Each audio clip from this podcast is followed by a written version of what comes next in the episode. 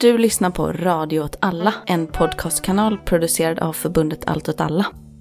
Jag, jag tänkte att man kanske skulle göra lite lugn intro och Mm. ha eh, Karl-Bertil Jonsson-musiken i bakgrunden som tema istället. Ja, det hade varit ganska behagligt. Jag har haft Ja. ganska mycket Karl-Bertil Jonsson-känsla de senaste dagarna faktiskt. Hej, du lyssnar på Vad händer Gbg? En podd om lokalpolitik i Göteborg från ett vänsterperspektiv. Och med mig har jag Johanna. Hej! Vi är lite färre idag. Vi var ju fyra sist, men nu är det bara du och jag kvar. Stackars Jakob blivit sjuk. ja, det är inte något så här Robinson som har hänt. Nej, vi har inte röstat ut de andra. Det har blivit en småländsk podd. och vi spelar också in över Zoom igen faktiskt. Ja, det blev ju lite problem där med hissingskommunikationerna. Ja, det är lite det är snö, inte oväder, det är snö i Göteborg. Mm, Ganska mycket snö för att vara i Göteborg ändå. det, det är ganska fint faktiskt. Jag Ja. sa det innan att jag har fått så här Karl-Bertil Jonsson-känsla, för igår så var jag på Dirty Records och åt middag. Och sen så Ah. spelade de lite så jazz från högtalarna och så såg jag när snön singlade ner över Andra Långgatan och kände sån otrolig, eh, ja men julkänsla liksom. Det är ändå otroligt. Ja det är väldigt fint, sen är det ju, ja, så ser man ju M-shop, alltså den sexbutiker i bakgrunden. Så det blir kanske inte lika mycket Karl-Bertil Jonsson. Eh, hur är det med dig Johanna? Jo, nej men det är bra, det är julkänsla, lite sentimentalt sådär som det alltid blir. Det är, vi har fått eh, Mm. granen på Chapmans torg, har kommit upp nu. Eh, den är inte det. lika ful, jag vet inte om våra lyssnare kommer ihåg, men förra året så var ju granen på Chapmans torg lite av en, eh, det var en, en skandal för att den var så ful. Ja, det var den fulaste granen tydligen. Mm. Det var väl lite bara tråkig mest eller? Men Det var lite sådär, lite gles. Sådär. Ja. Men nu har vi fått en enormt snygg gran i alla fall. Ja, hur är det med dig Martin? Ja, men det är bra. Vi eh, närmar oss ju adventstider. När det här Mm. avsnittet kommer ut så är vi ju mitt inne i advent. Mm. Och chanukka börjar ju också, tror jag, avsnittet när det kommer ut. Så att, Mhm, eh, 7 december. Ja, precis. Så vi är lite i dubbel högtid just nu. Vilket lite kan vi säga är temat för den här podden kanske. Poddavsnittet, inte podden generellt sett. Nej, inte jul och chanukka. nej. det är inte nya människor att tro. Jag tänkte, jag har inte släppt det här med Ulf Kristersson så jag tänkte prata lite på Mm. temat för det har ju det har inte riktigt slutat den här debatten. och jag tänkte också prata lite om kommunfullmäktige. Ah, perfekt.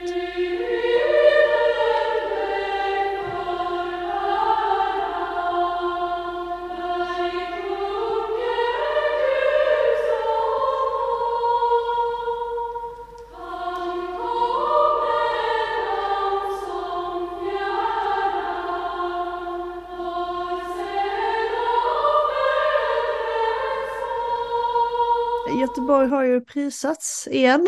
Det har Oj! blivit lite av en följetong att jag följer upp olika priser Göteborg har fått. Så för det första så har Naturskyddsföreningen har utsett Skeppsbron till landets näst fulaste parkeringsplats. Och det är lite tråkigt, men det är också för att eh, den tar upp så jävla mycket plats på en, ett ställe som hade kunnat vara ganska trevligt. nu slår de också verkligen på någon som redan ligger. Ja, lite faktiskt, eftersom det är lite av en, ja det är också en skandal. Vilket vi pratade om för två avsnitt sedan. Men tydligen så finns det, det finns fler parkeringsplatser, alltså mer plats Mm. för parkeringar än boen, bostäder i, i Sverige nu typ. Det här är ganska mycket en kritik mot att eh, bilarna tar, inte bara bilarna liksom när de kör och vägarna tar så mycket plats i stan utan också parkeringsplatser för det är ju kanske typ det absolut tråkigaste eh, i en stad med parkeringsplatser. Just det. Och den här är väl ovanligt ful då, för den är ju jättetråkig. Alltså hela nere vid, eh, Skeppsbron överhuvudtaget är ju bara en eh, avlastningsplats för tråk liksom och färgen grått. Ja, och det är väl det man, det är därför man vill exploatera Skeppsbron. Det är väl det mest intressanta exploateringsytan i hela Göteborg efter eh, Lindholmen. Ja, och jag kan tycka det är lite tråkigt överhuvudtaget att man eh, ens bygger för bilar så centralt. Jag tycker kanske vi hade kunnat jobba lite mer mot att man får ställa bilen utanför stan. Men visst, då krävs att det finns en, eh, en västlänk också. Men det är också, det är också väldigt konstigt att, att eh, det är så för att vem kör bil där omkring? Det är en tok som gör det. En Nej, men vem- idiot. exakt, Ja. alltså det är vid vattnet liksom. Vi har inga, vi har inte så mycket bilfärjor till Stenpiren. Nej, men sen har vi fått ett positivt pris också. Eller vi. Hisingsbron har prisats. Ja, just det, det här har jag nog sett. Vad fick den för pris? Den fick, ska vi se, det är en sån arkitekttävling, det är en, en sammanslutning som heter IABSE, det är väldigt många Mm. bokstäver. Man kan väl tänka sig att står så här International Architecture Building Ja, Bridge Det är någonting. ett internationellt pris. Ja, precis. Då är det då The Hissing Bridge som fått det, den väsande bron, eller Arpeggio, som tydligen är arkitekternas eget namn eh, på Hisingsbron. Jag känner att det garanterar väl verkligen en smäll på käften i Göteborg om man skulle referera till Hisingsbron som Arpeggio. Men är det för att arpeggio, är det då, då det höjs och sänks Ja. i notföljd? Det är nog så, precis ja. Ja. Där hade du en väldigt bra förklaring. Nej, Det- jag, vet inte. Det är ju lite mer pretentiöst kanske än vi väljer att se det.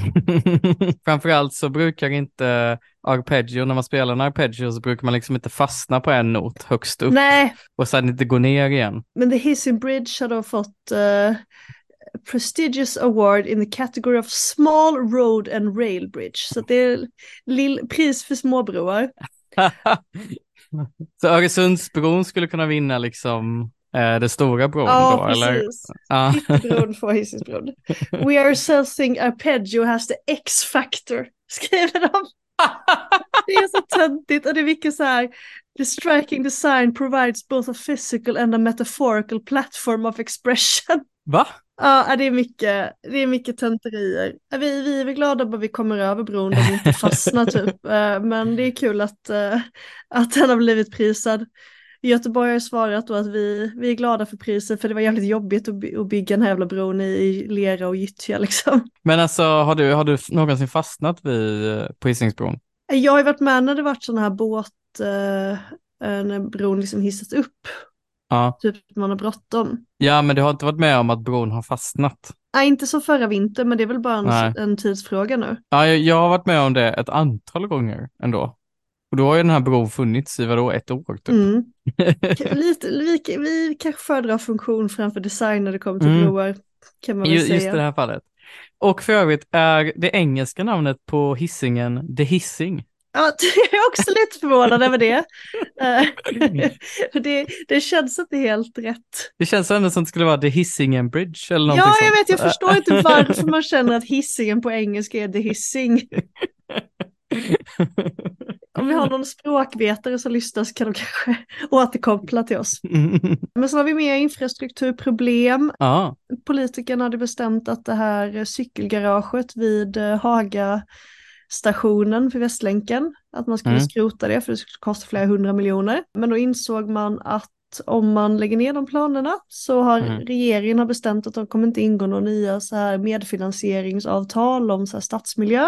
Nähä, oj. Eh, så de får liksom köra på de gamla planerna eller så får de inga pengar typ. Så nu måste vi, nu måste vi fortsätta bygga eh, Västlänkens cykelgarage under jord då. Men det är det som är en del av Sverigeförhandlingen då. Mm. Men ingick det inte i Sverigeförhandlingen att eh, regeringen skulle bygga höghastighetsbanor? Det kan man ju tycka. Ja, så kommunerna måste liksom uppleva, sin, alltså fylla upp sin del, men regeringen behöver Mm. inte... Nej, det är jävligt tråkigt också. Jag, jag förstår faktiskt inte heller behovet av alla dessa underjordiska garage. Alltså, eller jag, jag uppskattar att man gömmer undan så bilar och cyklar och sånt.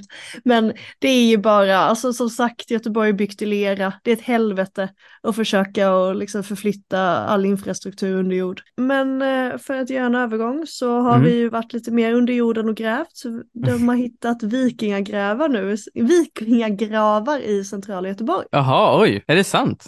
Ja, och eh, föga förvånande så hittar man ju det i nära anslutning till eh, Valhallabadet. Snyggt! Ja, Vadå, för att, alltså, för att Valhallabadet liksom ligger på något sätt nära Val... Valhall är precis i anslutet till Valhall.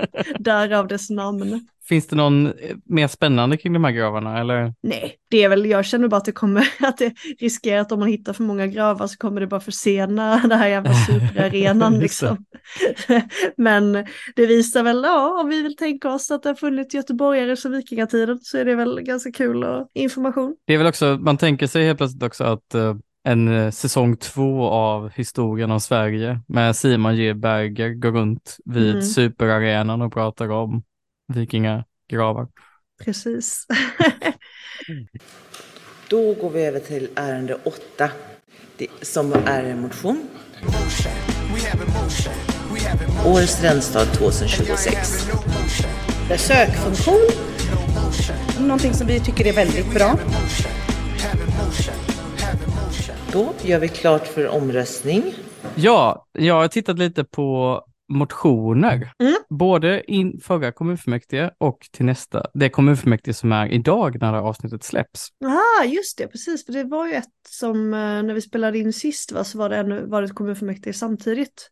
Ja, precis. Ja, Nu är det så att eh, när det här avsnittet släpper så kommer det också vara, så är det kommunfullmäktige samma datum. Mm. Det är sista kommunfullmäktige för i år. sen får de ha jullov. Mm, Den precis. 7 december. Alltså de flesta motioner som skrivs i kommunfullmäktige är ju av oppositionen. Mm. De rödgröna skriver inte motioner till kommunfullmäktige, de tar beslut i kommunstyrelsen istället. Mm.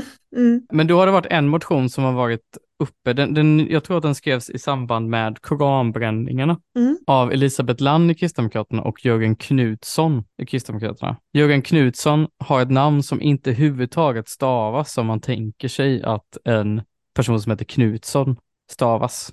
Vadå Knutsson, det, är det Z? Är det C? Ja, det är, Oj. det är K-U-N-D-T-Z-O-N. Jaha. Knutsson. Ah, ja, danskt slash dansband. Ja, exakt. Om Jörgen Knutsson skulle ha ett dansband så skulle det vara Knutssons.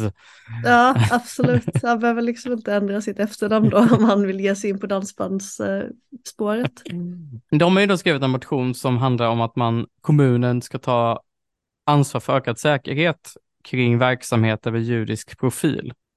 Mhm. Och det var ju, det var ju i samband med koranbränningarna och då gick ju hela kommunstyrelsen ut, alltså i princip alla Mm. kommunalråd och var så här, det här är en bra idé, men man pratade också om att man kanske skulle stärka då säkerheten kring andra religiösa verksamheter och lokaler. Jörgen Fågelklo pratade ju väldigt mycket om kyrkor då, Mm. Eh, men jag tror att de flesta tänker att det skulle framförallt handla om muslimska verksamheter. Och sen var, var det väl också något möte när, eh, var det statsministern som var i Göteborgs synagoga, eller det var någon typ av hotshot och då var Jörgen Fågelklo där också, vilket var lite oroväckande med tanke på hans antisemitiska förflutna. Ja, han har ju, eller hans konto då, som hans kompis tydligen har loggat in på, Mm. enligt han själv då, under flera års tid för att skriva hans djupt antisemitiska kompis, eh, som Jörgen Fågelklo inte vill berätta om det, har loggat Mm. in på hans konto under flera års tid och skrivit eh, djupt antisemitiska och rasistiska Mm. inlägg på Flashback. Så låg trovärdighet där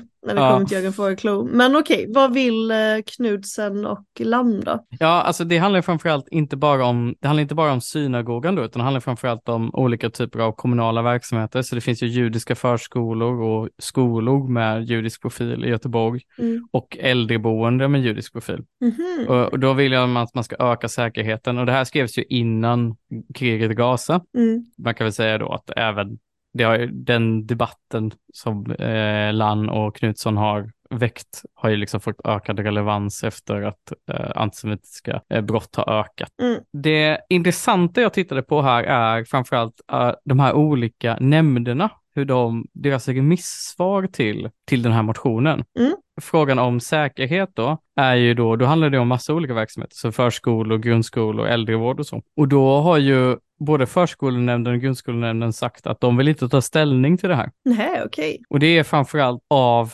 två skäl som jag tycker är ganska intressanta och visar på kanske de problemen som finns när vi pratar om finansiering av välfärden i, Mm. eh, i kommunerna i Sverige.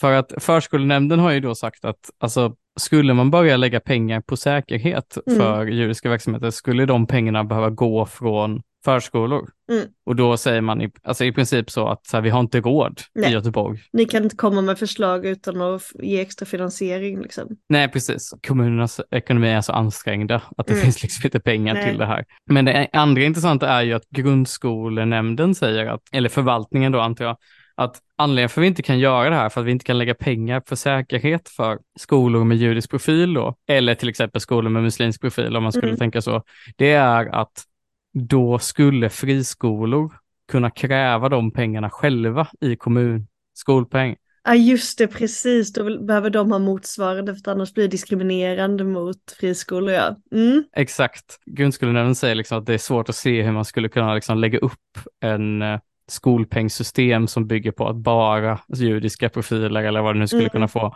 handla om, skulle kunna få det och det skulle liksom dränera ekonomin i kommunen.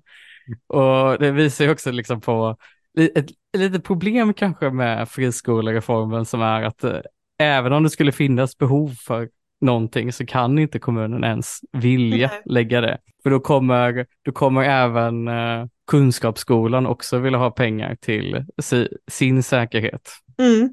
Som är säkerheten att P. Emilsson kan fortsätta att mjölka ut det svenska välfärdssystemet. Exakt. Han får ju faktiskt väldigt mycket hat och sånt på Twitter så att han, han kanske förstår lite hur det är att vara en utsatt Ja, minoritet. det var ju lite trist där att de öppnade skolor i Saudiarabien kan jag känna. Men faktum är att den enda som har varit så lite positiv, eh, nämnden, det är eh, äldre, eh, vård omsorgsnämnden. Mhm. För de har inte samma ekonomiska system som eh, skolan har till exempel, eftersom skolor eller äldrevården är ute på, det är kommunens ansvar, de måste inte följa någon Nej, de, det ligger mer ute på entreprenad liksom. De köper in det i så fall av eh, fria leverantörer. Precis. Ja. Och det är också intressant för att den här, det systemet har ju fått kritik av oppositionen just att de vill ju inte ha det på det sättet att det ska vara entreprenad, Nej, utan de skulle ju hellre vilja ha en mer som grundskolan fungerar med skolval. man har en liten tan- tant och gubbpeng som följer med oavsett vilken utförare man väljer. Men det är liksom, det är ändå lustigt för att å ena sidan vill oppositionen då att man ska kunna lägga pengar på säkerhet för ja, men, judisk äldrevård eller judiska skolor, men samtidigt vill de inte ha ett system som skulle, vill de ha ett system som inte skulle möjliggöra att göra det liksom. Nej, men det är väl det som är verkligen definitionen av bara så signalpolitik, liksom att man vill inte bekosta eh, de faktiska utfallen av förslagen, utan man vill bara lägga förslagen som någon slags liksom, signal till väljarna. Ja, och det är också väldigt tydligt med den här motionen och hur eh, oppositionen har försökt kommunicera kring den här oppositionen, för att de har ju varit väldigt mycket så att det här måste göras för att det är viktigt, samtidigt som de har liksom inte, tänker inte att det är en budgetfråga överhuvudtaget. Att eh, det är bara en motion som kommunstyrelsen ska få i uppdrag i att genomföra. Ja, och det tänker jag att det kommer vi antagligen se mer av under hela nästa år också. Att man lägger Mm. förslag som egentligen inte handlar om att man vill genomföra eh, politik i praktiken, utan bara att man vill liksom eh, lägga in ett, eh, ett debattinlägg i det pågående kulturkriget typ. Mm. För det är väl klart att eh, det är jättepositivt med liksom, säkerhet för religiösa minoriteter, men om man inte kommer genomföra det på riktigt så blir det ju bara en, ja, det blir bara tomma ord liksom. Precis. En annan motion som vi har läst är Rasmus Ragnarsson Mm. från Sverigedemokraterna. Vilket också är, vilket otroligt namn. Mm.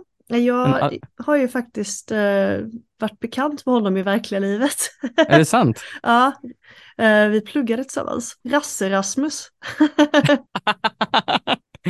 Ja, han, det är ändå, han har ett sånt uh, allitterärt namn. Uh, Mm. Gud, jag, jag tänkte inte ens på kopplingen ras, rasism det? och Rasmus. Ja, det är faktiskt rasmusm. Eh,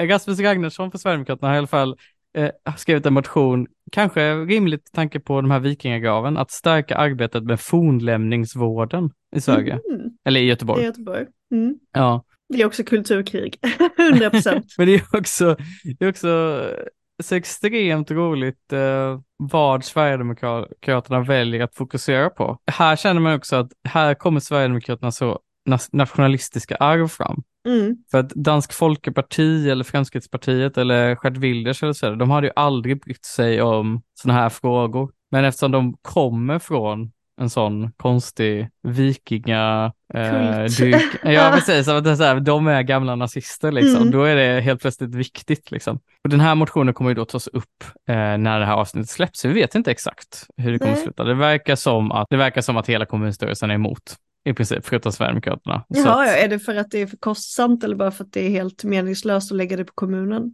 Ja, men det, det är för att, ja precis, det är för mycket tid och arbete Mm. som skulle krävas för det här. För att eh, förslaget är ju då inte bara att man ska bry sig om fornlämningar liksom, inom citationstecken, utan det är ju att man ska ha ett stort arbete tillsammans med hembygdsföreningar och sånt över hela. Göteborg alltså, för att ta hand om.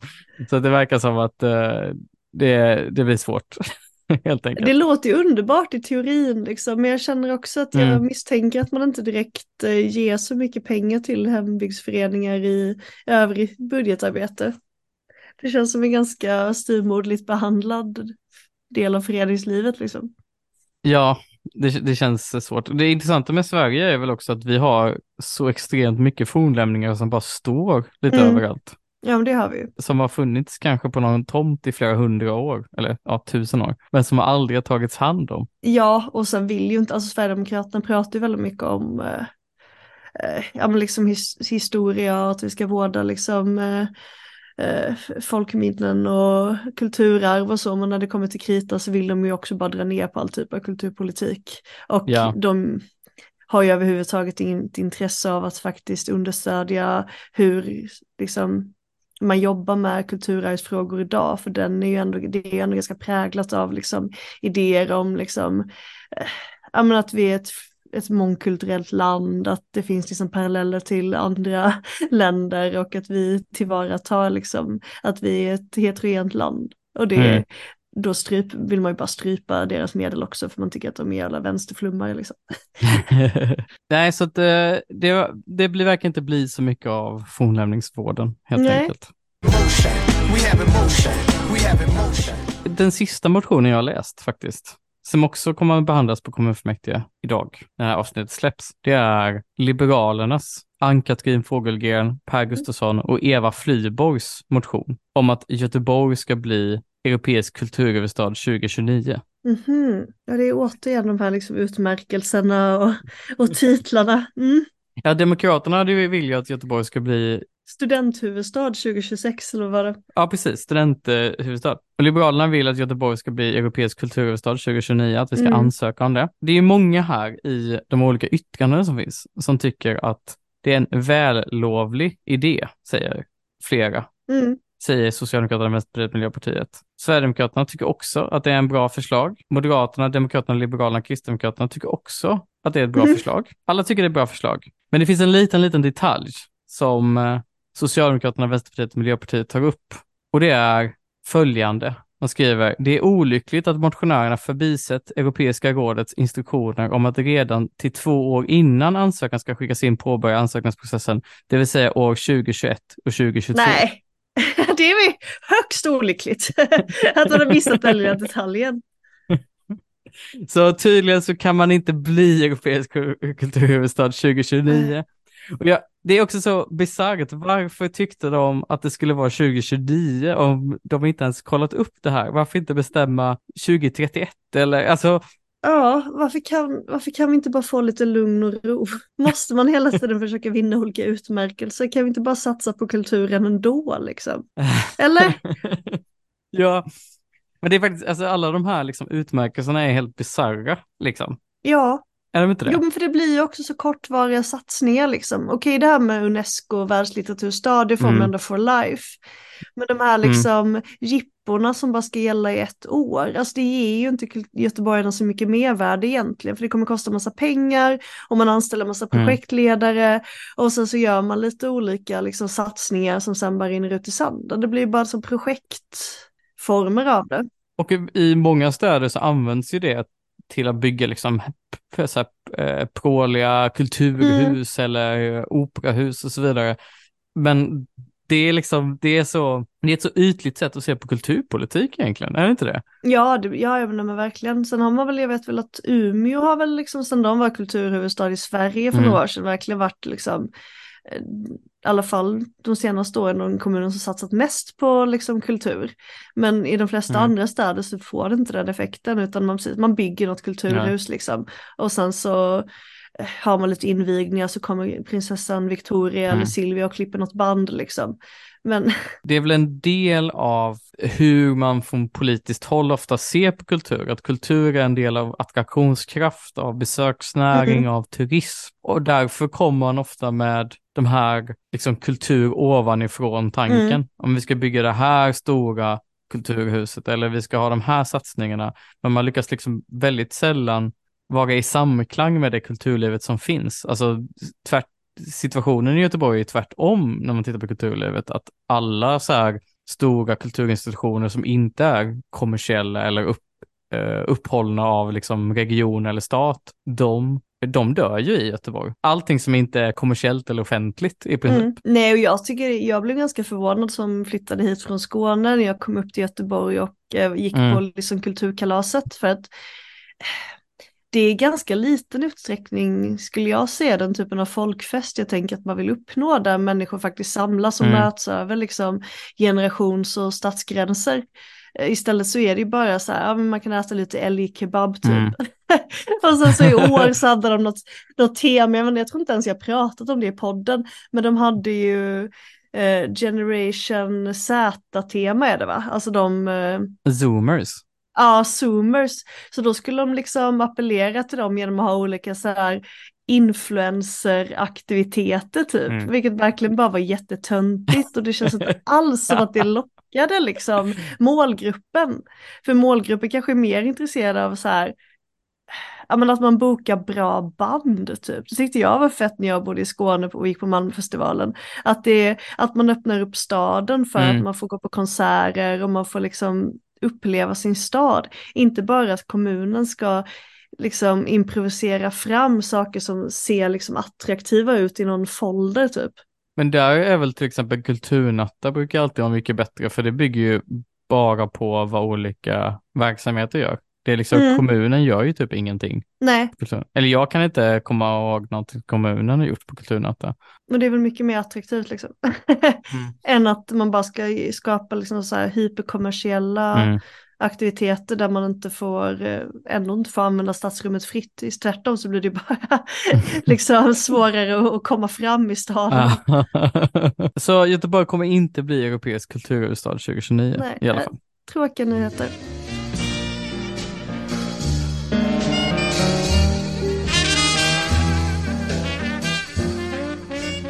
Jag har ju tänkt en del här nu på Ulf Kristersson sedan han var här förra veckan. För två veckor sedan blir det när podden släpps. Ja. Jag måste hela tiden lära mig att prata som att det är 7 december idag.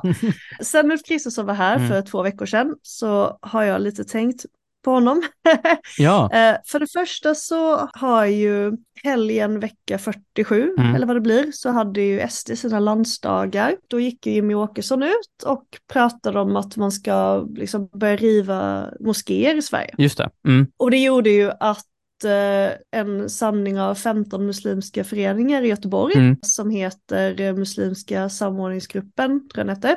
De skrev ett brev till eh, Ulf Kristersson och uttryckte såklart eh, liksom sin oro kring den ökade islamofobin i Sverige och att liksom regeringens samarbetsparti kan gå ut och säga att de ska riva moskéer. Ja, och det var ju också förbud mot nya moskéer och, och liksom det var förbud det mot också, ja. islamiska symboler. Alltså det var ju verkligen, Ja just det, precis, exakt. det var ju verkligen, Stadsrummet skulle inte innehålla någon typ av liksom muslimska sym- symbolik överhuvudtaget. alltså han försökte ju liksom något sätt spela bort korten och vara så. Jag menar ju bara de extrema församlingarna och så vidare, men det var ju uppenbart riktat mot muslimer i allmänhet när man, i hela kontexten liksom, oavsett vad han försöker liksom spinna det som. Ja, nej precis och det, det finns ju inga sådana krav när det kommer till liksom kyrkor Mm. att om det förekommer, om det finns en homofob präst Nej. så river man inte hela kyrkan. det, det är ingen som hade föreslagit det. Så det är så uppenbart att det bara är riktat mot muslimer Mm. liksom. Nej, men då gick i alla fall, då skrev de ett gemensamt brev, fick då svar nu i dagarna Mm. av Ulf, Kristersson. Jaha, han, han svarade på brevet. Mm, han skickade ett brev då som GP hade fått tag på och som också DN har eh, publicerat. Där han skriver så här att eh, vi har religionsfrihet i Sverige eh, och eh, ingen får hindra någon annan att utöver sin religion. Vi uppskattar eh, hur eh, det muslimska civilsamhället har eh, bidragit till att bekämpa desinformationskampanjer mot Sverige. Jada, jada, jada. Ulf Kristersson-ton. Alltså, det är verkligen, alltså han är ju verkligen en person som inte kan prata med en människa om deras liksom känsloliv eller, eller situation, alltså, situation på något sätt känns det som. Att han, han alltid kommer in och pratar i så formella talking points liksom. Ja, och nu precis innan vi skulle spela in så Mm. såg jag att eh, Muslimska samordningsgruppen har gjort ett, ett uttalande nu som Mm. svar på det här brevet. Mm. Och föga förvånande så känner de sig pissförminskade liksom. Och det är bara så talande. Alltså för det är just det här, Ulf Kristersson pratar med varenda person i Sverige som att de är barn. och de är så här, ja, tror fan att vi känner till religionsfriheten. Liksom. Jag har bott i Sverige jättelänge, jag har liksom undervisat i så här Mm. demokrati, samhälle. Det är väl klart vi vet, det är väl inte det det här handlar om. Ja. Det här handlar ju om att vår, liksom, vår möjlighet att utöva vår religion är hotad på grund av rasism. Alltså Göteborgs moské är ju en jätteetablerad moské, liksom i Mm. Göteborg, alltså det har funnits jätte, jättelänge. Det, det är ju liksom, eh, det är jag tror, alltså han, det märks på honom att han, han har liksom aldrig har träffat en, en person som har lite mer melanin liksom i huden. Att han, Nej. att han alltid är så, jaha, är du muslim? Hej, Ulf Kristersson heter jag. Här i Ja, Sverige har exakt. vi religionsfrihet. Welcome to Sweden. det är verkligen så hela tiden.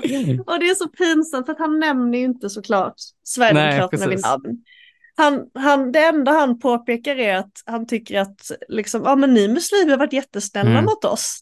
Så här, vi har ingenting mot det. Man bara, men fast det har du Mm. liksom. Och då tänker jag tillbaka lite på hur Ulf Kristersson uttryckte sig då efter det här mötet på Pustervik. Mm.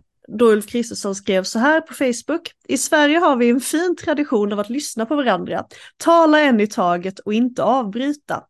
Och att inte försöka tysta den som inte tycker som man själv, utan respektera också den som tycker annorlunda. Åh, vad snällt. Åh, vad bra. Ja, och det var ju något liknande då idag i en eh, krönika i Dagens Nyheter av Mm. Janne Josefsson. Just det. Ja, han skrev ju då med anledning av eh, mötet på Pustervik att det hela avslöjar om inte annat den vråldjupa klyftan mellan det etablerade Sverige och delar av gruppen svenskar med bakgrund i Mellanöstern. Oj, oj, oj. Det här är väl ganska talande liksom eh, för, det pratade vi lite om när vi spelade in Mm. avsnitt efter Pustervik, att den här liksom djupt rasistiska synen på att eh, demokratisyn skiljer sig åt eh, beroende på var man har sitt ursprung. Mm. Och då skulle jag ju vilja hävda att nej, att prata i mun på varandra, att härja och röja är en av de folkligaste traditioner vi har. Inte minst i Sverige, men i Göteborg i synnerhet. Ja, definitivt. Så jag har lite exempel här som jag skulle vilja lyfta Ja. från Göteborgs historia. Vi har ju till exempel så har eh, Frälsningsarmén, när de beskriver sin historia, så berättar de då om Frälsningsarmén i Haga i Göteborg. ja, de finns ju fort- fortfarande kvar. Ja, och det är väl kanske man skulle ändå betrakta som liksom ja, men relativt liksom välartad, eh, väletablerad organisation i Sverige. Ja, Även om de såklart kanske har amerikanska rötter. de är också en armé också. Ska inte... Mm, de är en armé, men de berättade då om eh, liksom eh, Haga runt sekelskiftet när Frälsningsarmén etablerades. Och då skriver de, stora folkskaror samlades i de lokaler Frälsningsarmén fick hyra. Många kom av ren nyfikenhet till föreställningarna för att lyssna till vad som skulle sägas och sjungas. Många visste dock möjligheterna till att ställa till bråk var stora och kom endast av den anledningen. Möten av sammankomsterna var därför ofta oroliga. De här soldaterna fick då vara vakter och eh, folk från andra kyrkor kom för att hjälpa Frälsningsarmén liksom. Och det var alltså verkligen så polisen kom, folk stökade, folk blev utkastade. Bara ett exempel på svensk historia, liksom folk har, härjat och bråkat. Och det, och det känns också väldigt Göteborg. Att, att, att, om man hade fått den här berättelsen från Stockholm, men den hade kunnat finnas i Stockholm, den hade kunnat finnas i Malmö. Mm. Man har inte tänkt på det som stockholmskt eller malmöitiskt. Nej, inte att man, att man går till Haga och slåss med Frälsningsarmén bara för att det är kul. Det var det inte lite så kommunistiska, alltså KPMLR och raggare hade det på 70-talet, att de Jo. eh, också gick till Haga för att slåss. Precis, för det finns ju också 1972 var den här ockupationen av Hagahuset. Mm. Det är ju också ett exempel, det ligger ju nu på Via Len där. Ja, Ja. precis vid Haga. Ganska nära Frälsningsarméns lokaler. Exakt, Ja. också i Haga. Eh, det kommer komma faktiskt en, ett exempel till från Haga sen, men det Ja. var ju också alltså raggare samlades utanför ockupationen, skrek leve Nixon, kastade brinnande skit, liksom slagsmål, slagsmål med raggare, slagsmål med poliser, studiecirklar i marxism, bara allmänt röj liksom. Och det är också så, tror det är också del av liksom Sveriges moderna historia som är väldigt, framförallt Göteborgs moderna historia. Mm. Men också, vi har ju till exempel, eh, vi som hänger ganska mycket runt Olof Palmes plats har ju sett de här eh, statyerna där. Ja, det är ju August Palm och de. där Mm, precis. I mitten här så finns det olika skildringar av historiska händelser. Och en av dem Aha. är då brödupproret 1917 som också var liksom röjigt som fan. Det var då i maj 1917 Ja. när det var liksom hungerkravaller i hela Sverige. Och eh, olika kvinnor i Annedal och Haga, Masthugget, började liksom gå och hota till sig bröd, för de ville då köpa bröd utan kuponger. De eh, stormade liksom brödhandlare och brödleverantörer för de, de var hungriga. Det var jävligt dyrt med bröd, de fick inte tag i bröd, de blev blåsta liksom. Mm. Och det var, ja men det blev verkligen liksom kravaller av kvinnor som bara kukade ur i olika bagerier liksom. Ja. Och det är också, alltså det är väl också jättedel, stor viktig del av liksom Göteborgs demokratiska historia. Och det är väl också, alltså man tänker sig också att Göteborg har framförallt den här protestkulturen, alltså Mm. hur demokrati har förståtts i, i Göteborgs kontext, både i liksom för hundra år sedan och idag så tänker man ju definitivt att det är en mer protestburen stad. Ja, precis. Eh, Den mest eh, aktiva hyresgästföreningen eller mest militanta hyresgästföreningen på så här 20-30-talet fa- var ju Göteborgs Majornas förening till exempel och Gamlestans Mm. förening. Precis, jag skulle komma till det också. Det var ju 1936 så blev det ju jättestora protester Mm. i Olskroken när eh, hyresvärdarna försökte höja hyrorna 10 Och det man gjorde då var ju liksom en blockad. Mm. Man fick hjälp att, eh, att liksom hyresstrejka. Och när det Mm. inte funkade så blev man vräkt. Och då gick man ju samman så att de som hjälpte till, så att Transportarbetarförbundet hjälpte Mm. till så att man, man fördröjde liksom utflyttningarna. Mm. Så att man hann hitta nya lägenheter och sen så under tiden så ockuperade man så de inte kunde hyra ut dem. Och det var ju också så här otroligt välorganiserad, bråkigt, Ja. stökigt protest liksom. När vräkningarna började så var det ju liksom upplopp i princip. Och det liksom präglar ju, alltså Göteborg har en stark hyresrörelse idag jämfört med många Mm. städer. Alltså, Mm. alltså alla de här grejerna lever ju kvar i Göteborgsk anda. Och om man är moderat typ i Göteborg, om man är liksom kommer från Hovås och vill se Ulf Kristersson på Pustervik så kanske, då kanske man inte har koppling riktigt till den historien, men den är ju en jätteviktig del av Göteborgs historia tänker jag. Ja, ja absolut. Och det är, alltså, det är någonstans, alltså, när vi pratar om liksom, den demokratiska liksom, framväxten av demokratin i Sverige, Mm. det är ju alla de här rörelserna som lett fram till att vi har fått alla rättigheter. Vi har fått en, liksom, ett starkt föreningsliv, Mm. vi har fått liksom, ett civilsamhälle som faktiskt eh, Ja, men som är li- kanske inte lika livskraftigt längre tyvärr, men som faktiskt har format Sverige som det ser ut idag. Mm. Och det kan man ju för fan inte som moderat komma och säga att det är i samförstånd och låta folk tala till punkt. För det är inte det som har hänt. I Göteborg så har vi härjat och bråkat och slagits och avbrutit möten i hundratals år. Ja, jag vet ju bara när man tänkte lägga ner bibliotek eller stänga bibliotek så var jag på ett möte. Det var, folk Mm. var skitarga på kulturnämnden som skulle ha möte. Det var liksom, folk var jätteupprörda med frågor och det var liksom applåder som bara tystade liksom ner all, alla de andra politikerna. En av de största demonstrationerna mot nazism var ju för några år sedan i Göteborg. Mm, Den största klimataktionen i Sverige var väl i Göteborg för några år sedan, Mm. Folk mot fossilgas. Ja, alltså listan fortsätter. Alltså, Hamnarbetarförbundet är ju störst i Göteborg, som är liksom ett militant fackförbund.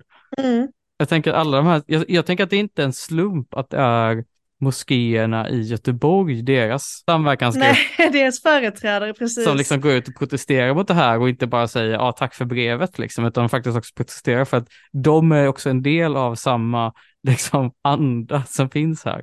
Ja, och det är ju de- dessutom så är det ju inte bara vänstern som är härjig liksom. Till exempel 2016 så skulle man bygga tillfälliga sådana modulhus med anledning av eh, eh, flyktingkrisen. Då hade man ju sådana här sam- samrådsmöten i alla stadsdelar i hela Göteborg typ.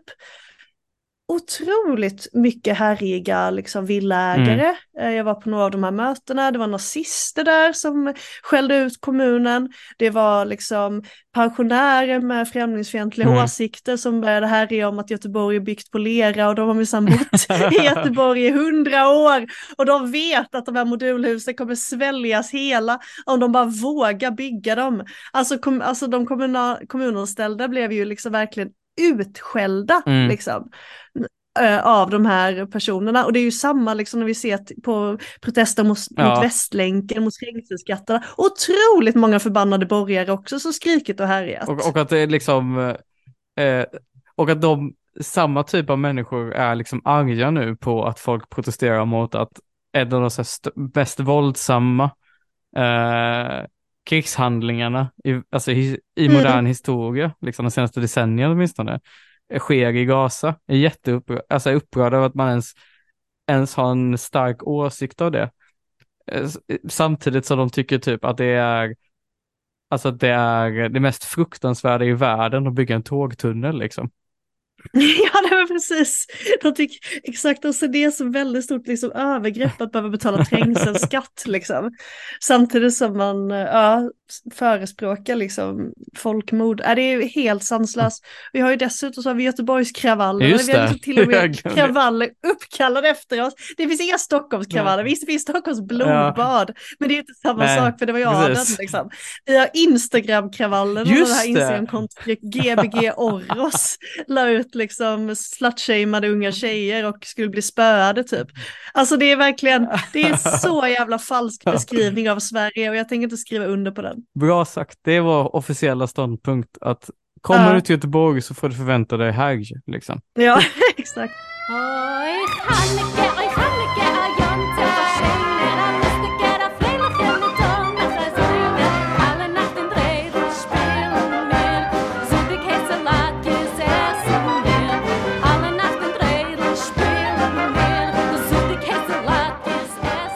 Förra året så skrev vi lite um, rim för presenter, vi gav presenter till politiker. Och nu är vi ju, alltså det är ganska långt kvar till jul, det är ändå Mm, det är tre veckor. Ja. Det är ändå ganska lång tid. Men det är ändå chanukka och då är ju, det är ändå lite tradition att ge presenter under chanukka. Så man kan ju tolka det här Mm. antingen som en julklapp eller en chanukka-present Mm. helt enkelt. Så jag, jag har skrivit ett rim till politiker Mm. och presenter. Vissa är det väl så att jag, där får man gissa själv vad de handlar om. Och vissa är det väl att eh, då säger jag nog i själva rimmet vad det är för någonting. Mm. Eh, Ska jag börja kanske med eh, Axel Josefsson? Mm. Ja, det här är kopplat till ett förslag från Axel Josefsson det här året. Så jag tänker lite knyta ihop Axel Josefssons eh, tid i opposition.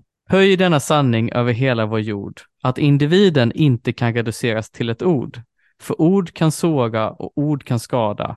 Ord kan spåras, så vokes hänger snaran. Ord, det fäster sig i kroppen vi bär, följer oss från ort till ort, som dömer en för vad man är och inte för vad man har gjort. Bara för jag vill mer än tid utvisa, för jag är trött på minareternas klagovisa, betyder det inte att det mig kan tillrättavisa. När ska det vara slut på denna orättvisa?